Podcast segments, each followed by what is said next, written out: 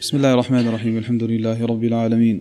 والصلاة والسلام على أشرف الأنبياء والمرسلين نبينا محمد وعلى آله وصحبه أجمعين.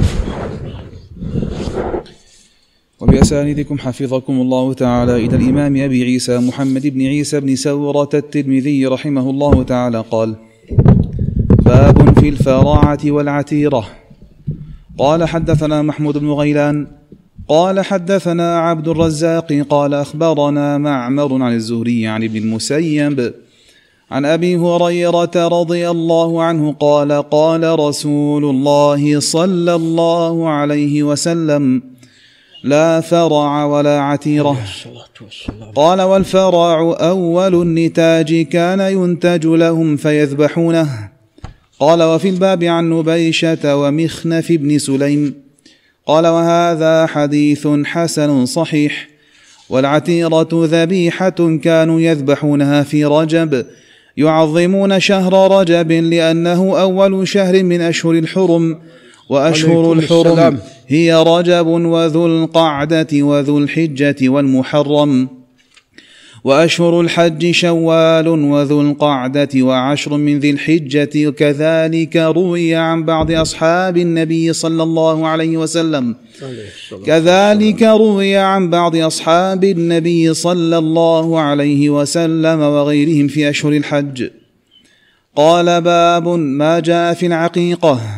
قال حدثنا يحيى بن خلف قال حدثنا بشر بن المفضل قال أخبرنا عبد الله بن عثمان بن خثيم عن يوسف بن ماهك أنهم دخلوا على حفصة بنت عبد الرحمن فسألوها عن العقيقة فأخبرتهم فأخبرتهم أن عائشة رضي الله عنها وعن أبيها أخبرتها أن رسول الله صلى الله عليه وسلم أمرهم عن الغلام شاتان مكافئتان وعن الجارية شاة.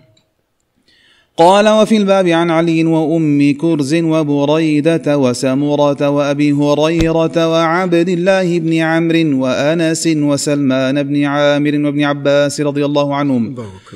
قال وحديث عائشة حديث حسن صحيح. وحفصة هي ابنة عبد الرحمن بن أبي بكر الصديق. قال حدثنا الحسن بن علي الخلال قال حدثنا عبد الرزاق عن ابن جريج قال أخبرني عبيد الله بن أبي يزيد عن سباع بن ثابت أن محمد بن ثابت بن سباع أخبره أن أم كرز أخبرته أنها سألت رسول الله صلى الله عليه وسلم عن العقيقة فقال: عن الغلام شاتان وعن الجارية واحدة لا يضركم أذكرانا كن أم إناثا. قال هذا حديث صحيح. قال حدثنا الحسن بن علي قال حدثنا عبد الرزاق قال أخبرنا هشام بن حسان عن حفصة بنت سيرين عن الرباب عن سلمان بن عامر الضبي قال فضل. قال رسول الله صلى الله عليه وسلم مع الغلام عقيقته فأهريقوا عنه دما وأميطوا عنه الأذى. قال حدثنا الحسن قال حدثنا عبد الرزاق قال أخبرنا ابن عيينة عن عاصم بن سليمان الأحول عن حفصة بنت سيرين عن الرباب عن غير وجه عن الغلام شاتان مكافئتان وعن الجارية شاه وروي عن النبي صلى الله عليه وسلم أيضا أنه عق عن الحسن بن علي بشاه وقد ذهب بعض أهل العلم إلى هذا الحديث. قال باب حدثنا سلمة بن شبيب قال حدثنا أبو المغيرة عن عفير بن معدان عن سليم بن عامر عن أبي أمامة قال قال رسول الله صلى الله عليه وسلم خير الأضحية الكبش وخير الكفن الحلة. قال هذا حديث غريب وعفير بن معدان يضعف في الحديث. نعم أحسنت. بسم الله الرحمن الرحيم. وبه نستعين نحمده عز وجل ونثني عليه الخير كله ونصلي ونسلم على نبينا محمد وعلى آله وأصحابه والتابعين لهم بإحسان إلى يوم الدين. أما بعد فقال الإمام أبو عيسى الترمذي رحمه الله تعالى في كتابه الجامع باب في الفرعة والعتيره وهما ذبيحتان كانتا تذبحان في الجاهلية وكان أهل الجاهلية يذبحون هذين الذبيحتين. إحداهما في أول النتاج. إذا أول ما ما تنتج البهيمة يذبحون هذا المولود. وأما الثانية فكانت تذبح إذا بلغت إذا بلغ عدد البهيمة خمسين يذبحون هذا المولود. وكانوا يفعلون ذلك لطواغيتهم. ولمن يشركون ولمن يشركون بهم مع ربهم والعياذ بالله. فجاء الإسلام بالنهي عن ذلك وبإبطال ذلك. نعم. وأن من أراد أن يذبح لله ويتصدق لله فهذا حق. وأما أن يكون شيئا واجبا ويذبح أيضا لغير الله فهذا باطل وقد جاء الإسلام بإبطال ذلك. وتعلمون أن الجاهلية كانوا على معتقدات شتى وكانوا عليكم السلام على أعمال فاسدة كثيرة وعلى حياة مخالفة لشرع الله عز وجل. فجاء الإسلام بتغيير ذلك كله وبنسخ ذلك كله. نعم وبإبقاء ما كان حقا وما كان صوابا. نعم ومن ذلك ما كان عندهم من الاغتسال من الجنابة ومن الحج ومن العمرة. نعم فجاء الإسلام بتشريع ذلك وبتقريره. وأيضا فيما يتعلق بمكارم الأخلاق من الكرم ومن الشجاعة وما شابه ذلك جاء أيضا الإسلام بالحث على ذلك. وأما ما كان خلاف الحق والصواب فجاء الإسلام بإبطاله ومن ذلك في الفرعة والعتيرة. قال حدثنا محمود بن غيلان وهو العدوي المروزي نزيل بغداد وهو ثقة مشهور توفي عام تسعة وثلاثين ومائتين. قال حدثنا عبد الرزاق وهو ابن همام الصنعاني الأبناوي. وتوفي عام إحدى عشر ومائتين. وقد خرج له الجماعة. والصنعاني نسبة إلى صنعاء اليمن. وأما الأبناوي فنسبة إلى أبناء الفرس الذين ولدوا باليمن. عليكم السلام. عليكم السلام. وقد تقدم لنا أن سيف بن ذي يزن ذهب إلى كسرى وذلك حتى يستخلص اليمن من الحبشة. والحبشة عليكم السلام كانوا موالين للروم وذلك لاجتماعهم في الدين دين النصرانية. نعم وأما سيف بن ذي يزن فكان وثنيا فكان يناسبه الفرس فذهب إلى الفرس يستغيث بهم فأشار بعض أفراد مملكة كسرى عليه بعض أفراد مملكته من وزرائه وحجابه أو مستشاريه بأن يرسل إليهم أهل السجون. فإن قضي عليهم يكون قد تخلص منهم. وإن انتصروا فنصرهم نصر له. فأرسل يقولون ستة سفن محملة بهؤلاء فيقولون غرق منها ثلثان يعني أربع سفن وبقي السفينتان وتم طرد الحبشة من بلاد اليمن فهؤلاء بقوا في اليمن وتناسلوا وتكاثروا. فمنهم عبد الرزاق بن همام ومنهم وهب بن منبه وهمام بن منبه ومنهم طاووس بن كيسان وغيرهم ممن ولد من أبناء هؤلاء الفرس. نعم. قال طبعا عبد الرزاق ثقة مشهور على تفصيل في حديثه. وهنا الراوي عنه والله أعلم قديم لأن عبد الرزاق أصيب بالعمى بعد المئتين فكان حديثه قبل أن يصاب بالعمى أصح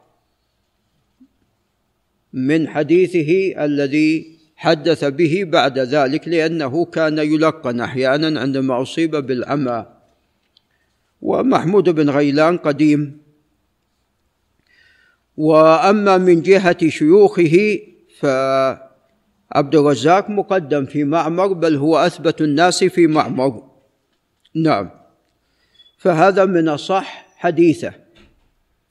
وأما المتن فلا يتعلق بالتشيع. لأن تكلم في عبد الرزاق عليكم السلام. تكلم فيه فيما يتعلق بالتشيع وأنكرت عليه أحاديث في الفضائل. نعم. فهذا ليس منها. فهذه الأمور الثلاثة تلاحظ في حديث عبد الرزاق. يلاحظ شيوخه ويلاحظ الرواة عنه ويلاحظ المتن الذي رواه. نعم وقد تكلمت عليه فيما سبق بأكثر من هذا. قال أخبرنا معمر وهو بن راشد البصري. أبو عروة الحداني نزيل اليمن وهو إمام جليل. وقد توفي عام أربع وخمسين ومائة.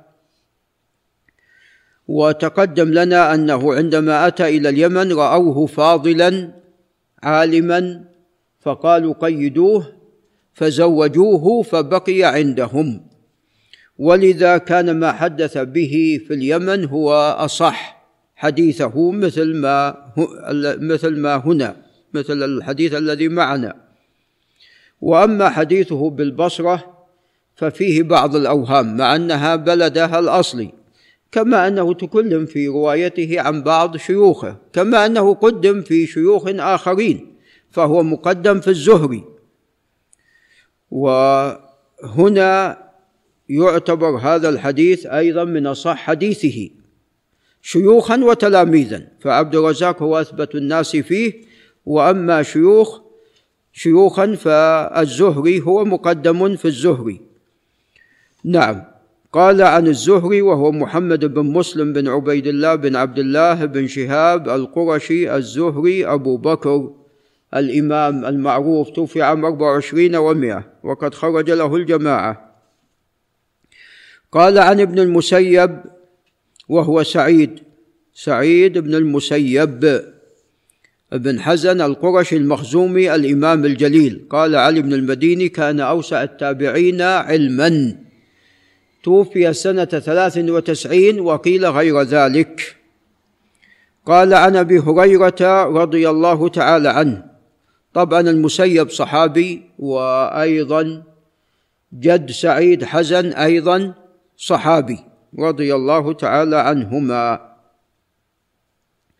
نعم وكان سعيد متزوجا بابنة أبي هريرة. نعم وهذه السلسلة الزهري عن ابن المسيب عن أبي هريرة هي من أصح السلاسل. قال عن أبي هريرة رضي الله تعالى عنه قال قال رسول الله صلى الله عليه وسلم لا فرع ولا عتيرة.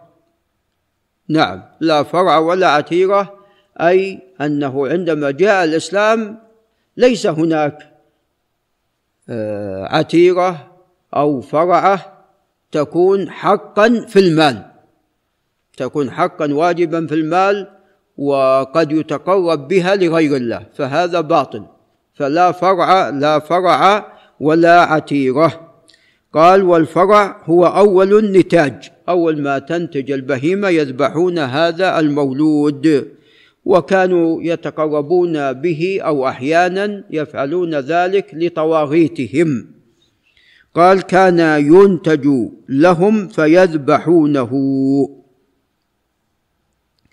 نعم. وأما العتيرة فقال أبو عيسى ذبيحة كانوا يذبحونها في رجب ولذا تسمى بالرجبية. ويذبحونها في رجب تعظيما لهذا الشهر ولكونه هو أول الأشهر الحرم في ماذا؟ في السنة. نعم. فكانوا يعظمون ذلك. نعم. طبعا هو المحرم أول الأشهر الحرم ثم يأتي بعد ذلك رجب ثم بعد ذلك ذو القعدة وذو الحجة. نعم. فكانت هذه هي الأشهر الحرم.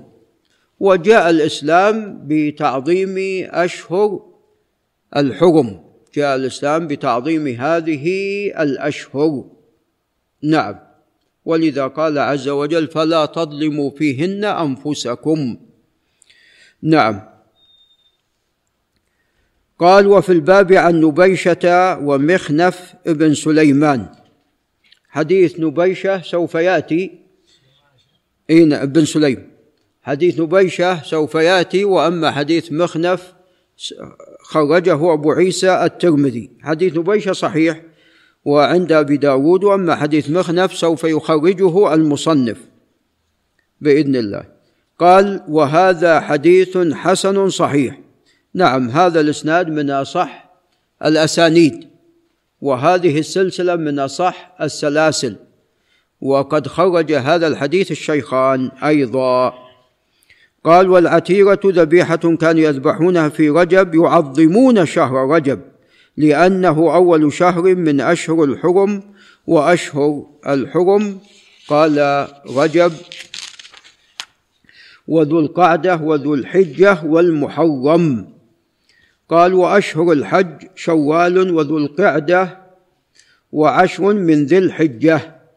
كذلك روي عن بعض أصحاب النبي صلى الله عليه وسلم وغيرهم في أشهر الحج. من عادة أبي عيسى يبين إذا كان هناك مناسبة لأمر أو لشيء يذكر هذا الشيء من أجل هذه المناسبة. فالأشهر الحرم هذه منصوص عليها شرعا. فيناسبها أشهر ماذا؟ أشهر الحج. يناسبها أشهر الحج فلذا استطرادا ذكر أشهر الحج.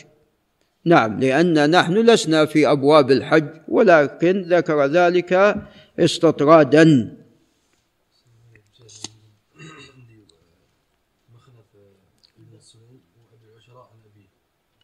إي نعم هذا في بعض النسخ.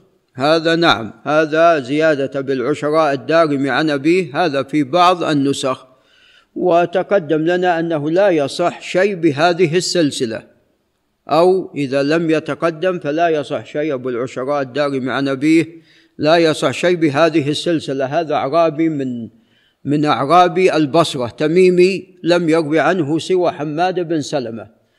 فأتى بشيء ينكر وقد تقدم لنا ما رواه حماد عنه عن أبيه أن عندما سئل يعني أن الرسول عليه الصلاة والسلام سئل عن الزكاة وأن ما تكون إلا في اللبة قال لو طعنت في فخذها لا أجزأ عنك أو لا أجزأت عنك. نعم هذا خبر منكر سندا ومتنا. لا لا لا مخنف مخنف نعم. نعم الأشهر الحرم كما تقدم يعني جاء الإسلام بتعظيمها وقد اختلف أهل العلم في القتال فيها. نعم. فذهب بعض أهل العلم إلى أن النهي عن القتال فيها منسوخ وذهب بعض أهل العلم إلى أن القتال فيها باق. نعم. قبل أن نأتي إلى ما يتعلق بالعقيقة طبعا جاءت عدة أحاديث في الفرعة والعتيرة نعم ومن هذه الأحاديث ما جاء في حديث عمرو بن شعيب عن أبيه عن جده وفيه أنه سئل عليه الصلاة والسلام عن الفرع فقال والفرع حق وأن تتركه حتى يكون شغزبا أو شغزوبا ابن مخاض أو ابن لبون فتحمل عليه في سبيل الله أو تعطيه أرملة خير من أن تذبحه يلصق لحمه بوبره. وتكفئ إناءك وتوله ناقتك لأنه كانوا يذبحونه أول النتاج. نعم. فجاء في الحديث أنك لو تركته حتى يكبر يكون ماذا؟ يكون أولى. يكون أولى. نعم. يلصق لحمه بوبره لأن عندما أول ما يولد يكون كثير اللحم ولا قليل؟ يكون قليل قليل اللحم. وتوله ناقتك لأن الناقة سوف تتأثر بذبح وليدها. نعم. طبعا هذا الخبر قد اختلف في وصله وإرساله. هذا من حيث الإسناد. وأما من حيث المتن ففيه إشكال وهو والفرع حق والعتيره حق بينما تقدم في حديث أبي هريرة وهو أصح لا فرع ولا ولا عتيره فكيف يكون حق؟ فلذا بعض أهل العلم ممن قواه أوله فقال حق يعني ليس بباطل. نعم الأصل في الحق هو بمعنى ماذا؟ الواجب. نعم أتدري ما حق الله على العباد أن يعبدوه ولا يشركوا به شيئا؟ فألحق بمعنى الواجب.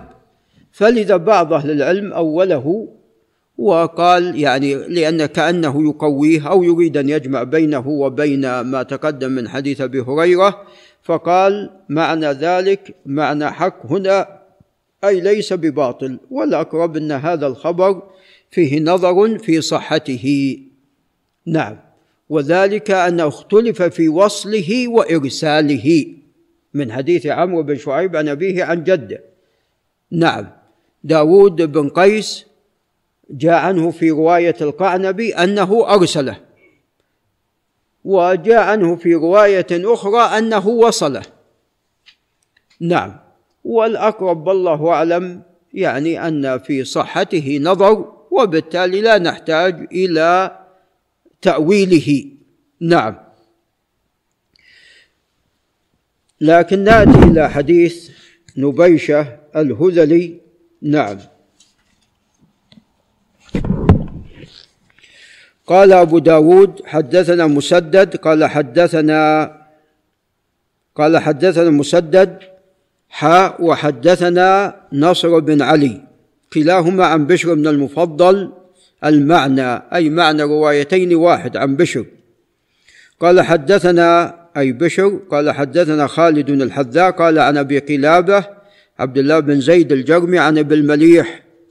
قال قال نبيشة نبيشة الهذلي رضي الله عنه نادى رجل رسول الله صلى الله عليه وسلم فقال إنا كنا نعتر عتيرة في الجاهلية في رجب. لعل أبو سليمان ينتبه فما تأمرنا؟ قال اذبحوا في أي شهر كان. هذا موافق لحديث ماذا؟ لحديث أبي هريرة. لا فرع ولا عتيرة قال اذبحوا في أي شهر كان. وبروا الله عز وجل. اذبحوا في أي شهر كان. لا تقيدونها في وقت معين. وبروا الله أي تقربوا لله. وأطعموا. نعم تصدقوا وأطعموا. قال إنا كنا نفرع فرعا في الجاهلية فما تأمرنا؟ قال في كل سائمة في كل سائمة فرع تغذوه ماشيتك حتى إذا استحمل قال نص استحمل للحجيج يعني أصبح كبيرا ذبحته فتصدقت بلحمه. قال خالد أي الحذاء أحسبه قال على ابن السبيل فإن ذلك خير. اذا أنت إذا تصدقت به فهذا خير. ولكن هل هو واجب؟ لا لا فرع ولا عتيره واذبحوا في أي شهر كان. إي نعم. قال قلت لأبي قلابة كم السائمة؟ قال مئة. يعني جاء بأنه إذا بلغ خمسين ذبحوا. إذا وصل إلى خمسين ذبحوا جاء بأنه إذا بلغ المئة ذبحوا. نعم. فهذا الحديث حديث نبيشة لا بأس بإسناده. حديث نبيشة لا بأس بإسناده ورجاله كلهم ثقات. نعم. فالخلاصة أن الفرع والعتيرة هذا منسوخ. من أراد أن يذبح في أي شهر كان ويتقرب لله فهذا ماذا؟ فهذا حق. يذبح ويتقرب ويأكل ويطعم فهذا حق. نعم. وأما أن يكون هناك شيء معين نعم. إذا بلغ خمسين أو مئة فهذا نعم منسوخ. نعم. وهذا من أمر الجاهلية. وقد جاء في حديث أبي رزين العقيلي عندهم عندما نزلوا على رسول الله صلى الله عليه وسلم وأبي رزين العقيلي من بني عامر بن صعصعة الذين بقاياهم سبيع. نعم. ذبح لهم عليه الصلاة والسلام ولكن بين. ماذا قال؟ قال عندنا غنم تبلغ المئة فإذا ذبح فإذا زادت ذبحنا وحده يعني تكفينا المئة إذا زادت ذبحنا واحدة. نعم. قال باب ما جاء في العقيقة. نعم. والعقيقة هي ما يذبح تفضل. العقيقة هي ما يذبح عن المولود. شكرا لله عز وجل على نعمته بهذا المولود. فإن كان المولود ذكر فتذبح عنه شاتان. وإن كانت أنثى فشاة واحدة. نعم. وجاء عن آه، الذكر الذبح شاة واحدة أيضا. ولا خلاف بين الأحاديث التي فيها شاتان وبين الأحاديث التي فيها شاة واحدة وذلك أن الزيادة تكون ماذا؟ نعم تكون نعم للتفضيل وأولى وأكمل مثل ما جاء والله أعلم بأن صلاة الجماعة تفضل صلاة الفذ بسب بخمس وعشرين درجة وجاء في حديث ابن عمر بسبع وعشرين درجة فلا خلاف بينهما فالحكم للمزيد. نعم. وهذه هي القاعدة في مثل ذلك. نعم. إي تحصل بالو... تحصل بالواحدة ولكن الأكمل والأولى أن تكون شاة هذا هو الأكمل والأولى. وقد اختلف أهل العلم في حكم العقيقة. فذهب بعض أهل العلم إلى أن العقيقة واجبة. نعم. واستدلوا بالحديث الصحيح كل غلام مرتهن بعقيقته. نعم. وذهب بعض أهل العلم إلى أنها سنة وليست بواجبة. وتقدم لنا أن هذا هو الأقرب كما جاء في حديث عمرو بن شعيب عن أبيه عن جده. عندما سئل عليه الصلاة والسلام عن العقيقة قال لا أحب العقوق. فكره عليه الصلاة والسلام الاسم فقط. وكان من هديه عليه الصلاة والسلام أنه يغير الأسماء التي تحمل معاني ماذا؟ معاني سيئة. نعم تقدم لنا بما سعيد المسيب بن حزن أراد أن يغير عليه الصلاة والسلام اسم حزن إلى ماذا؟ إلى سهل. قال لا لا أغير اسما سماني سماني إياه أبي. فقال سعيد فما زالت فينا ماذا؟ الحزونة لو غير كان لا شك. كان هو الأولى وخير وبركة. نعم. فكان من هديه عليه الصلاة والسلام يغير الأسماء التي تحمل معاني سيئة. نعم. وفي حديث عمرو بن شعيب قال قيد ذلك عليه الصلاة والسلام بالمشيئة. فدل هذا على أنها ماذا؟ سنة ومستحبة وليست بواجبة. سنة بمعنى أنها سنة مستحبة وليست سنة واجبة. نعم. والعقيقة لم يأتي في حكم لحمها شيء معين. يعني ليس مثل الأضحية. الأضحية تقدم لنا أنك تتصدق وتهدي وماذا؟ وتأكل. وقال بعض الفقهاء ثلث ثلث ثلث. وتقدم أن هذا ليس ثابت ليس بثابت مرفوعا. وإنما ثبت هذا عن عبد الله بن مسعود رضي الله عنه فيما رواه الطبراني. نعم. وأما ما يتعلق بالعقيقة فلم يأتي الأمر بالصدقة منها مثلا أو بالإهداء منها. فلذا أنت مخير سواء أكلتها أنت مع أهلك أو دعوت أصحابك وجماعتك عليها أو تصدقت ماذا؟ أو تصدقت بها فكل هذا مشروع بحمد الله. وكل هذا أو كل هذا عفوا جائز. نعم لأنه لم يأتي تحديد معين في لحم العقيقة. نعم والأولى أن تسمى النسيكة. نعم هي التي تذبح عن المولود لكن جاءت الأحاديث بذكر العقيقة وجاء في حديث عمرو بن شعيب كراهية هذه التسمية. قال حدثنا يحيى بن خلف وهو الباهل البصري وقد توفي عام 42 و200 قال الحافظ بن حجر أنه صدوق والراجح أنه ثقة الراجح أنه ثقة. قال حدثنا بشر بن المفضل. وبشر بن المفضل هو الرقاش البصري وهو ثقة ثبت توفي عام 86 و100 قال أخبرنا عبد الله بن عثمان بن خثيم وهو المكي القارئ. وعبد الله بن عثمان بن خثيم قد اختلف فيه. ولعله والله أعلم لا يحكم عليه بحكم عام وإنما يعامل كل حديث رواه بما يناسبه ويليق بحاله. وذلك لأن لأن له أشياء قد تستنكر وتستغرب أو تستغرب. نعم.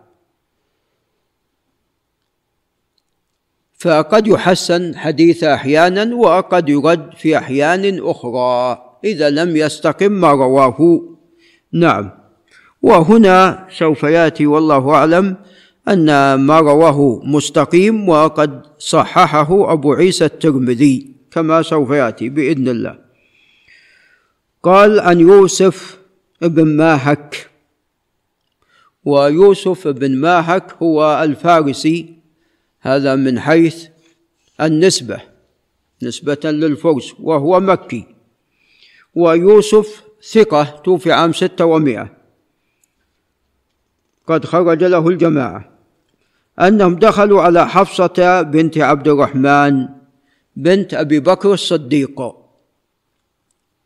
رضي الله تعالى عن الصديق وعن أبيه وعن ابنه عبد الرحمن كلهم صحابة. نعم. وحفصه ثقة من الطبقة الوسطى من التابعين أن عائشة رضي الله عنها أخبرتها وعائشة هي عمتها رضي الله عن عائشة. أخبرتها أن رسول الله صلى الله عليه وسلم أمرهم عن الغلام شاتان مكافئتان وعن الجارية شاة نعم تقدم أن هذا المتن متن مستقيم وقد جاءت الأحاديث بمعنى هذا الحديث. نعم. فلذا أبو عيسى قال وحديث عائشة حديث حسن صحيح فهذا الخبر لا بأس بإسناده.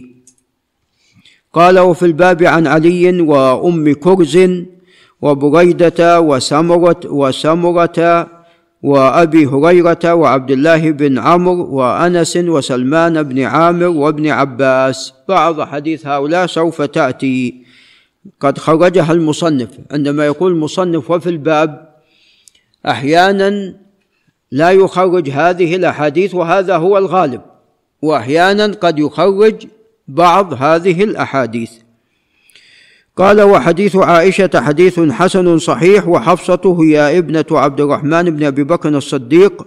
قال حدثنا الحسن بن علي الخلال وهو الحلواني وتقدم نسبة إلى حلوان العراق وليس حلوان مصر وهو ثقة ثبت وعالم توفي عام 42 و200 وله كتاب في السنن. له كتاب في السنن. أنا مر علي والله أعلم أنه ثلاثة أجزاء هذا الكتاب. نعم. يعني ممن يعني من كلام السابقين. نعم. قال حدثنا عبد الرزاق بن همام تقدم قال عن ابن جريج وهو عبد الملك بن عبد العزيز بن جريج الأموي المكي.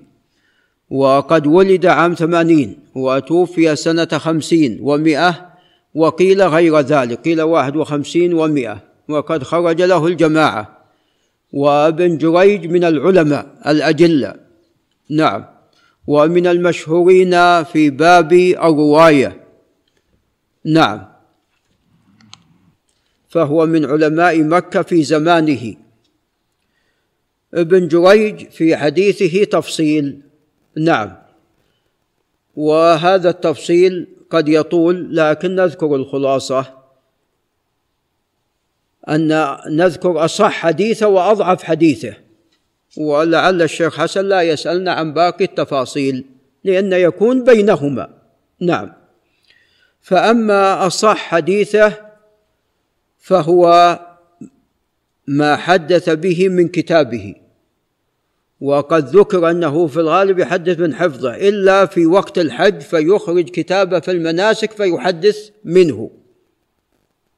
فإذا كان حديثه في الحج يعني موضوع في الحج هذا غالبا من ماذا؟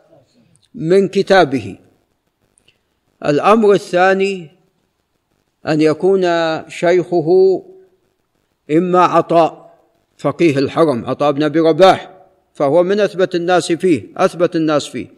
واما ان يكون شيخه عمرو بن دينار وهو أثبت الناس فيه.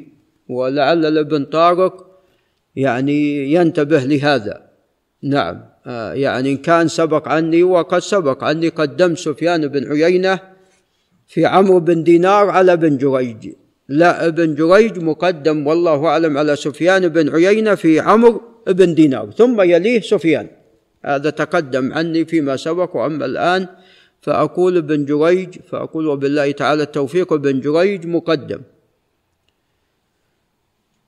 وأيضا نافع في روايته عن نافع فهو مقدم في هؤلاء الثلاثة. طبعا لا شك أن مالك يقدم عليه في نافع. نعم. ولكن هو مقدم أيضا في نافع. نعم.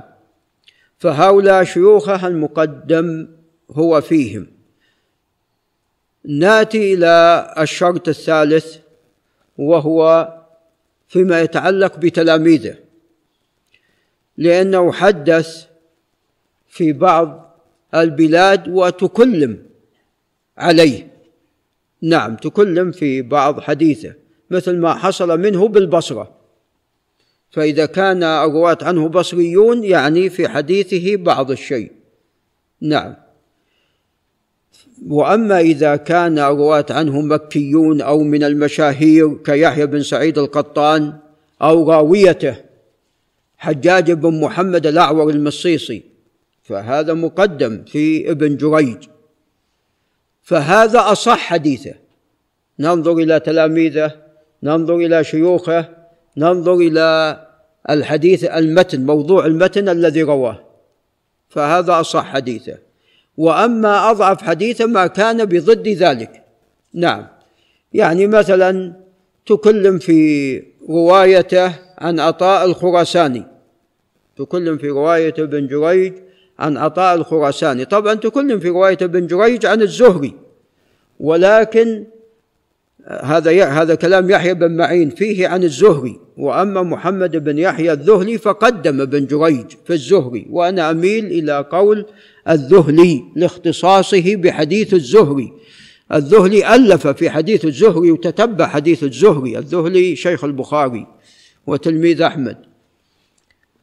فتتبع حديث الزهري فهو مقدم في حديث الزهري وقد نقل عنه ابن رجب كلاما جميلا في طبقات أصحاب الزهري في شرح العلل والله أعلم. نعم.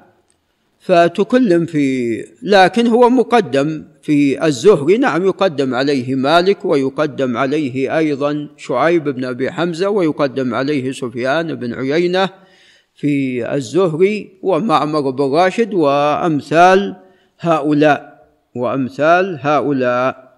نعم هناك من الرواة هناك من شيوخ الزهري ممن يعني لم يسمع عنهم يدلس عنهم فهو يدلس.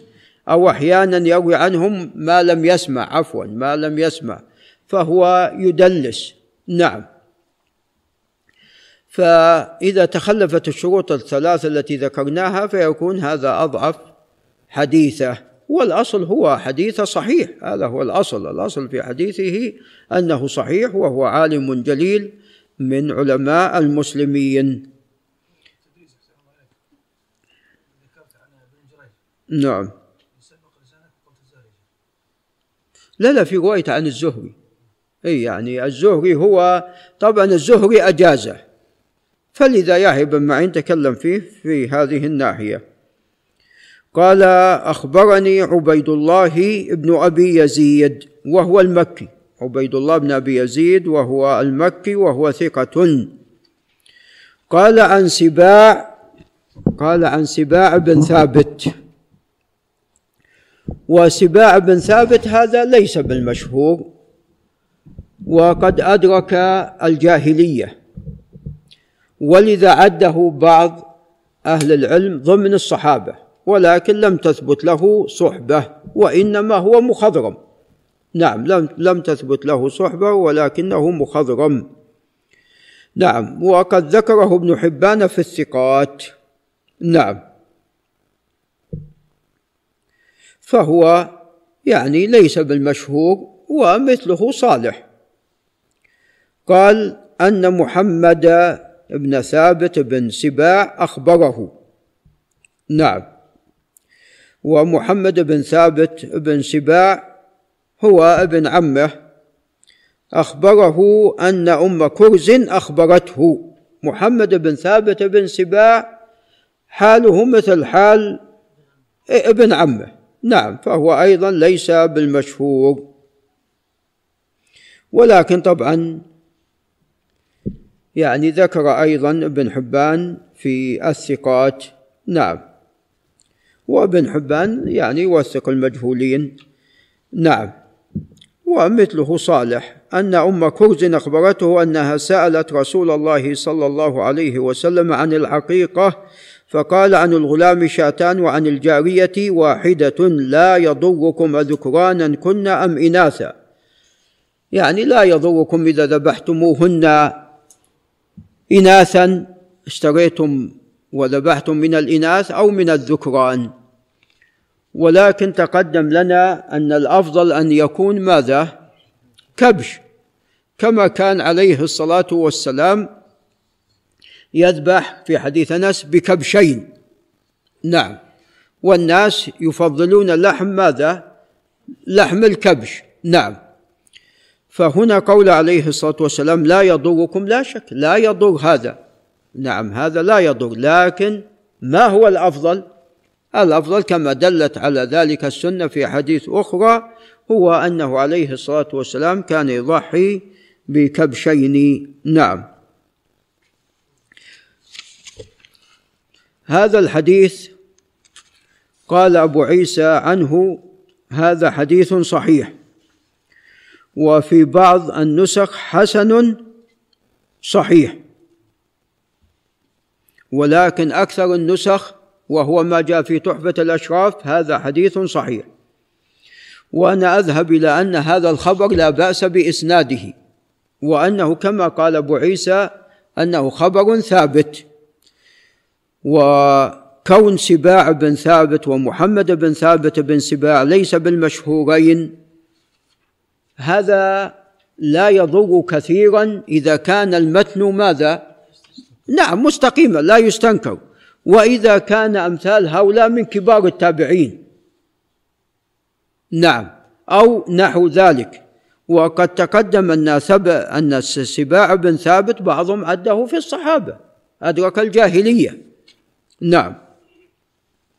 وقد صرح محمد بن ثابت بن سباع بالسماع من أم كرز وأبو عيسى قد صحح لهم أبو عيسى الترمذي قد صحح لهم. فأنا أذهب إلى أن هذا الخبر خبر محفوظ. نعم. تقدم لنا أن أبا عيسى طبعا أبو عيسى متفنن في أحكامه على الأحاديث. وقد يعني لعله قد وجد له نحو 200 حكم. نعم. الحسن الصحيح أنواع والحسن أنواع والغريب أنواع والضعيف أنواع. نعم. متفنن. وأكبر كتاب بين أيدينا فيه أحكام على الأحاديث هو هذا الكتاب جامع بعيسى الترمذي. نعم البخاري كل ما فيه صحيح مشترط الصحة. يحكم على كل حديث لوحده؟ لا مسلم كذلك. أبو بكر بن خزيمة كذلك. أبو أبو حاتم بن حبان كذلك. أبو داود الأصل يذكر الصحيح. إن كان شيء فيه ضعف بينه. أبو, أبو عبد الرحمن النسائي كذلك. إن كان في شيء ضعيف بينه والغالب على كتابه الصحة. نعم. فهذا الكتاب أكبر كتاب بين أيدينا في الأحكام على الأحاديث قلما يدع أبو حديث الحكم على حديث. ف الصحيح يعني أنواع أنواع من حيث الألفاظ التي يستعملها. حسن صحيح حسن صحيح غريب صحيح حسن غريب حسن غريب صحيح. صحيح لوحدها. غريب صحيح. صحيح غريب. كل هذا نعم يستعمله. كل هذا قد موجود. نعم. أيضا في حكمه على حديث ما بأنه صحيح له مقصد أحيانا. هو ثابت ثابت عنده. لكن أحيانا يكون له مقصد. فذكرت إن يعني فيما يظهر لي ثلاثة مقاصد له. إما أن يكون من باب التفنن في العبارة ولذا تجد أنه أحيانا يقول عن حديث صحيح وفي مكان آخر يقول حسن صحيح فهو يتفنن. نعم. يعني ليس مثل المتأخرين هم صحيح ولا حسن ولا ماذا؟ ضعيف. لا هم المتقدمون لا. وعلي بن المديني يعني ما وجد من أحكامه. طبعا لو كتاب العلل موجود كان هو مليء كان هو لا شك مقدم على كتاب أحكام على أبي عيسى الترمذي. لكن وجد قطعة من مسند يعقوب بن شيبة ينقل فيها أحكام علي بن المديني. قطعة أوراق. آه، متفنن في الحكم على الأحاديث. وهذه طريقة المتقدمين. والسبب في ذلك لوفور علم المتقدمين ولضعف علم المتأخرين فهم المتقدمون الحديث الصحيح درجات. ولذا قالوا هذه السلاسل أصح ماذا؟ أصح السلاسل. قالوا مالك عن نافع بن عمر السلسلة الذهبية. قال تفضل. قال البخاري أيضا أصح. أسانيد أبي هريرة أبو الزناد عن الأعرج عن أبي هريرة. نعم. ولهم كلام كثير. فتجد علي بن المديني يتفنن هذا إسناد صالح ليس بالصافي. إسناد صالح أو هذا خبر ليس بالصافي يعني فيه بعض الشيء. فالمهم نعم أحكام موجودة في هذه القطعة التي وجدت وقد تكلمت على هذا فيما سبق. فلعل يعني نختصر فصحيح إما من باب التفنن في العبارة. وإما من باب التأكيد. وجدت الأحاديث التي يقع فيها اختلاف يقول صحيح أحيانا. كأنه يريد أن يؤكد صحة الخبر وأن الاختلاف لا لا يضر. نعم.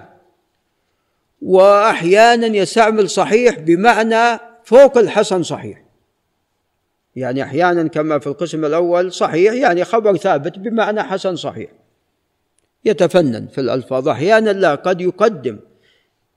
يقدم صحيح على حسن صحيح وقد وجد له يعني بس موضع ولا موضعين. قال عن خبر حسن صحيح ثم قال هذا صحيح وهو أصح من الأول. وهو أصح قال صحيح وهو صح من الأول. نعم هنا ماذا يريد؟ قد يكون يعني هنا يريد أن يؤكد صحة الخبر وقد يكون يعني من باب التفنن في العبارة والله أعلم. الأمر الثالث أنه صح من الحسن صحيح. أصح نعم. قال حدثنا نعم الحسن بن علي هو الحلواني. قال حدثنا عبد الرزاق بن همام قال أخبرنا هشام بن حسان وهو القردوسي البصري وتوفي عام 48 ومئة في صفر كما يقول الذهبي. وهو وحديثه على ثلاثة أقسام. تفضل. حديث على ثلاثة أقسام. ما رواه عن ابن سيرين فهذا صح حديثه. القسم الثاني وهو أدنى هذه الأقسام. ما رواه عن الحسن البصري وعطاء. تكلم في رواية عن الحسن البصري وعطاء. أما رواية عن الحسن البصري فهي صحيحة. وأما عن عطاء فهي دون ذلك. القسم الثالث هو في الشيوخ الذين لم يقدم فيهم هشام بن حسان ولم يتكلم في روايته عنهم. ولم يتكلم في روايته عنهم. وكل هذه الأقسام صحيحة إلا في رواية عن عطاء يعني ما أدري أنا ماذا قلت فيما سبق. نعم رواية عن عطاء بن أبي رباح ولعل ابن طارق يراجع. ما أدري أنا ماذا قلت فيما سبق. وأما رواية عن الحسن البصري فقد تكلم فيها ولكن صحيحة. وقد تكلمت عليه في من قبل. ذكرت بعض الأدلة على ذلك. قال عن حفصة بنت سيرين. وهي عالمة جليلة وعابدة من عباد أهل البصرة أخت محمد بن سيرين. نعم. فرضي الله عنها وأرضاها وهي ثقة من التابعين. قال عن الرباب وهي الرباب بنت صليع وهي لا بأس بها وقد صحح لها أبو عيسى الترمذي. غير حديث هذا الحديث وغيره. قالت عن سلمان بن عامر الضبي رضي الله عنه قال قال رسول الله صلى الله عليه وسلم مع الغلام عقيقته. نعم. فأهريق عنه دما. وأميط عنه الأذى. نعم. هذا الحديث نعم قال أبو عيسى حدثنا الحسن قال حدثنا عبد الرزاق قال أخبرنا بن عيينة وهو سفيان بن عيينة من أبي عمران الهلال الإمام وتوفي عام 98 ومئة قال عن عاصم بن سليمان الأحول وهو ثقة ثبت وتوفي سنة 42 ومئة خرج له الجماعة. قال عن حفصة بنت سيرين نعم. قالت عن الرباب عن سلمان بن عامر قالت الرباب عن سلمان بن عامر وهو عمها عن النبي صلى الله عليه وسلم مثله. قال أبو عيسى هذا حديث صحيح وفي بعض النسخ حسن صحيح. نعم وفي تحفة الأشراف أيضا هذا حديث صحيح. نعم. فهنا في هذا الحديث قد يفهم أنه يعني عقيقته يعني لو ذبح أيضا شاة واحدة لكان هذا كافيا كما تقدم والأفضل أن تذبح شاتان هذا هو الأفضل. نعم وهذا الخبر صحيح كما قال هذا الخبر صحيح وأنا اذهب إلى قول أبي عيسى عن هذا الخبر بأنه صحيح. نعم. قال باب الأذان في أذن المولود. الصحيح أنه لا يثبت حديث في أذن المولود. الصحيح لا يثبت حديث في أذن المولود وأما الإقامة فهي شديدة الضعف. الإقامة شديدة الضعف. ولعله ننتهي من هذا الباب بسرعة. قال حدثنا محمد بن بشار وهو العبد البصري ثقة حافظ. توفي عام 250 و200 قال حدثنا يحيى بن سعيد وهو القطان الإمام. توفي عام 98 و100 قال وعبد الرحمن بن مهدي. وهو, وهو أيضا إمام. نعم في زمانه. فكان ابن مهدي والقطان من سادات الناس في زمانهما وكلاهما قد توفي في سنة واحدة. قال حدثنا سفيان هو بن سعيد بن مسوق الثوري الإمام توفي عام 61 ومئة قال عن عاصم بن عبيد الله وهو ابن عاصم بن عمر بن الخطاب وعاصم بن عبيد الله الأكثر على ضعفه. وأنا أذهب إلى قول البخاري عنه أنه منكر الحديث ولكن يكتب حديثه. نعم. وطبعا البخاري له قول آخر في عاصم أيضا. قال عن عبيد الله بن أبي رافع وهو ثقة عبيد الله بن أبي رافع المدني وهو ثقة خرج له الجماعة. قال عن أبيه أبي رافع وهو القبطي مولى رسول الله صلى الله عليه وسلم وقد اختلف في اسمه. فقيل إبراهيم وقيل أسلم وقيل ثابت وقيل هرمز. والسبب في ذلك أن الإنسان إذا اشتهر بكنيته ينسى ماذا؟ ينسى اسمه كما حصل لأبي هريرة رضي الله عنه. قال عن أبيه أبو رافع القبطي رضي الله عنه قال رأيت رسول الله صلى الله عليه وسلم أذن في أذن الحسن بن علي حين ولدته فاطمة بالصلاة. هذا الحديث ضعيف لأن فيه عاصم بن عبيد الله. قال أبو عيسى هذا حديث حسن صحيح هذا مما أنكر مما ينكر مما ينكر على أبي عيسى تصحيحه لهذا الخبر. فعاصم الأكثر على تضعيفه بل قال بعض الحفاظ لا يكتب حديثه. نعم. قال أبو عيسى والعمل عليه وروي عن النبي صلى الله عليه وسلم في العقيقه من غير وجه عن الغلام شاتان مكافئتان وعن الجارية شاة وروي عن النبي صلى الله عليه وسلم صلى الله عليه وسلم انه عق عن الحسن بن علي بشاة هذا راح يأتينا بإذن الله. وقد ذهب بعض أهل العلم إلى هذا الحديث. فهذا الحديث حديث لا يصح فلا يصح شيء في أذن المولود كما أن أيضا المتن غير مستقيم الأسانيد ضعيفة كما أن المتن غير مستقيم الإسناد ضعيف كما أن المتن غير مستقيم وذلك أنه يعني كان يأتون بالأولاد عندما يولدون إلى الرسول عليه الصلاة والسلام ولم يثبت أنه أذن في ماذا؟ في آذانهم في آذانهم وإنما كان ماذا؟ يحنكهم. كان يحنكهم عليه الصلاة والسلام. ولذا لم يشتهر أيضا هذا بين الصحابة. على كثرة ماذا؟ المواليد. على كثرة المواليد. فلم يشتهر هذا بين الصحابة. وإنما جاء هذا عن عمر بن عبد العزيز رحمه الله. وأما الإقامة فهي باطلة. الإقامة حديثها واهي. نعم. فهذا الخبر لا يصح لا من حيث الإسناد ولا من حيث المتن. ونقف عند هذا.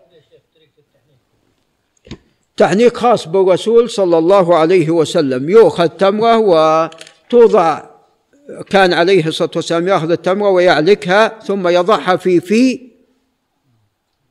المولود. نعم. حتى يلامس أول ما يلامس ريقه ريق الرسول صلى الله عليه وسلم. فالمقصود بذلك البركة. ولعل نقف عند هنا. كيف بارك الله فيك؟